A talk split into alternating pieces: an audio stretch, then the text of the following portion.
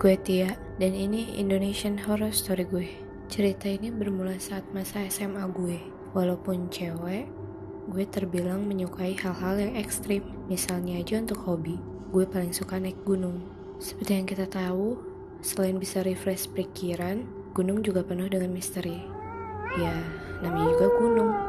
Jauh dari hingar-bingar kehidupan manusia. Jadi gak heran kalau akan ada kejadian mistis. Sama seperti yang gue alami waktu gue naik ke salah satu gunung tertinggi di tanah Jawa. Di situ gue nggak sendiri. Ada sekitar enam orang yang ikut mendaki bareng gue. Semua persiapan udah lengkap, cuma salah satu dari kita ada yang kurang fit. Tapi karena dia ngerasa yakin, ya udah aja kita tetap jalan.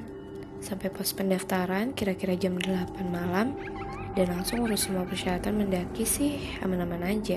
Setelah selesai, kita berdoa mohon kelancaran sebelum jalan untuk langsung melakukan pendakian malam itu juga. Kurang lebih dua jam, akhirnya kita sampai di pos pertama.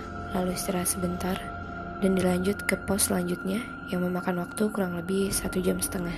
Akhirnya, kita mutusin untuk bangun tenda di sana dan bermalam di pos kedua karena hari udah makin larut. Sampai sini nggak ada keanehan karena badan sudah lelah, jadilah kita tidur pulas. Sekitar jam setengah empat, teman gue Mina bangunin untuk minta temenin buang air kecil.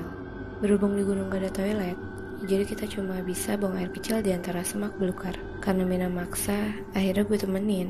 Di sini baru keanehan mulai terjadi. Gue ngerasanya bau anyir kayak bau darah gitu. Tapi gue cek ke sekeliling gak ada bangkai hewan. Lagi ngecek sekitar gue kaget karena Mina manggil gue. Tapi herannya lokasi gue udah jauh dari dia. Padahal seinget gue kita gak berjauhan. Gak mau mikir aneh-aneh. Gue langsung samperin Mina dan balik ke tenda. Tapi tatapan Mina ke gue kayak aneh gitu. Bener-bener perhatian dari atas sampai bawah dengan ekspresi heran nyampe di dalam tenda, dia cuma bilang, baik-baik berdoa, Ti. Jangan lupa. Gue yang coba berpikiran positif, nggak gitu mikirin, dan ya udah aja gitu gue tidur. Sekitar jam 5, kita siap-siap mau muncak. Kejadian aneh keulang lagi. Mina yang biasanya bawel banget mendadak diem dan suhu tubuhnya dingin. Tapi anehnya dia duduk santai tanpa jaket.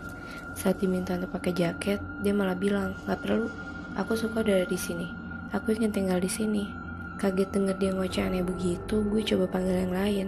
Saat gue keluar tenda, Mina teriak dan ngamuk bilang kalau nggak usah ikut campur. Untungnya anak-anak lain dengar dan mereka ngerasain kalau ada keanehan. Pas banget hari udah mulai terang dan ada bapak tua yang sedang cari kayu bakar. Langsung aja kita panggil untuk minta bantuan.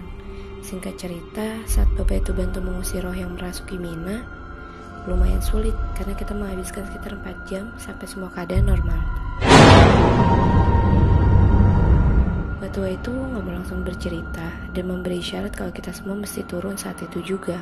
Alhasil kita berberes dan mulai turun sementara Mirna masih lemas tapi dipaksa berjalan. Saat sampai di pos pendaftaran, Bapak tua baru cerita kalau Mina dirasuki sosok penunggu lokasi kita camping. Dia bilang, Mina nggak sopan karena buang air kecil di tempat yang merupakan sarangnya. Kita semua shock, bahkan Bapak itu sampai maksa kita turun saat itu juga, karena kalau enggak, sesuatu lebih buruk akan terjadi. Salah satunya adalah saat posisi gue menjauh dari Mina, yang sebenarnya bukan gue melangkah kejauhan, tapi Mina yang dijauhkan dari jangkauan kita. Kejadian itu bikin Mina trauma, bahkan memutuskan untuk keluar dari pencinta alam sekolah kita.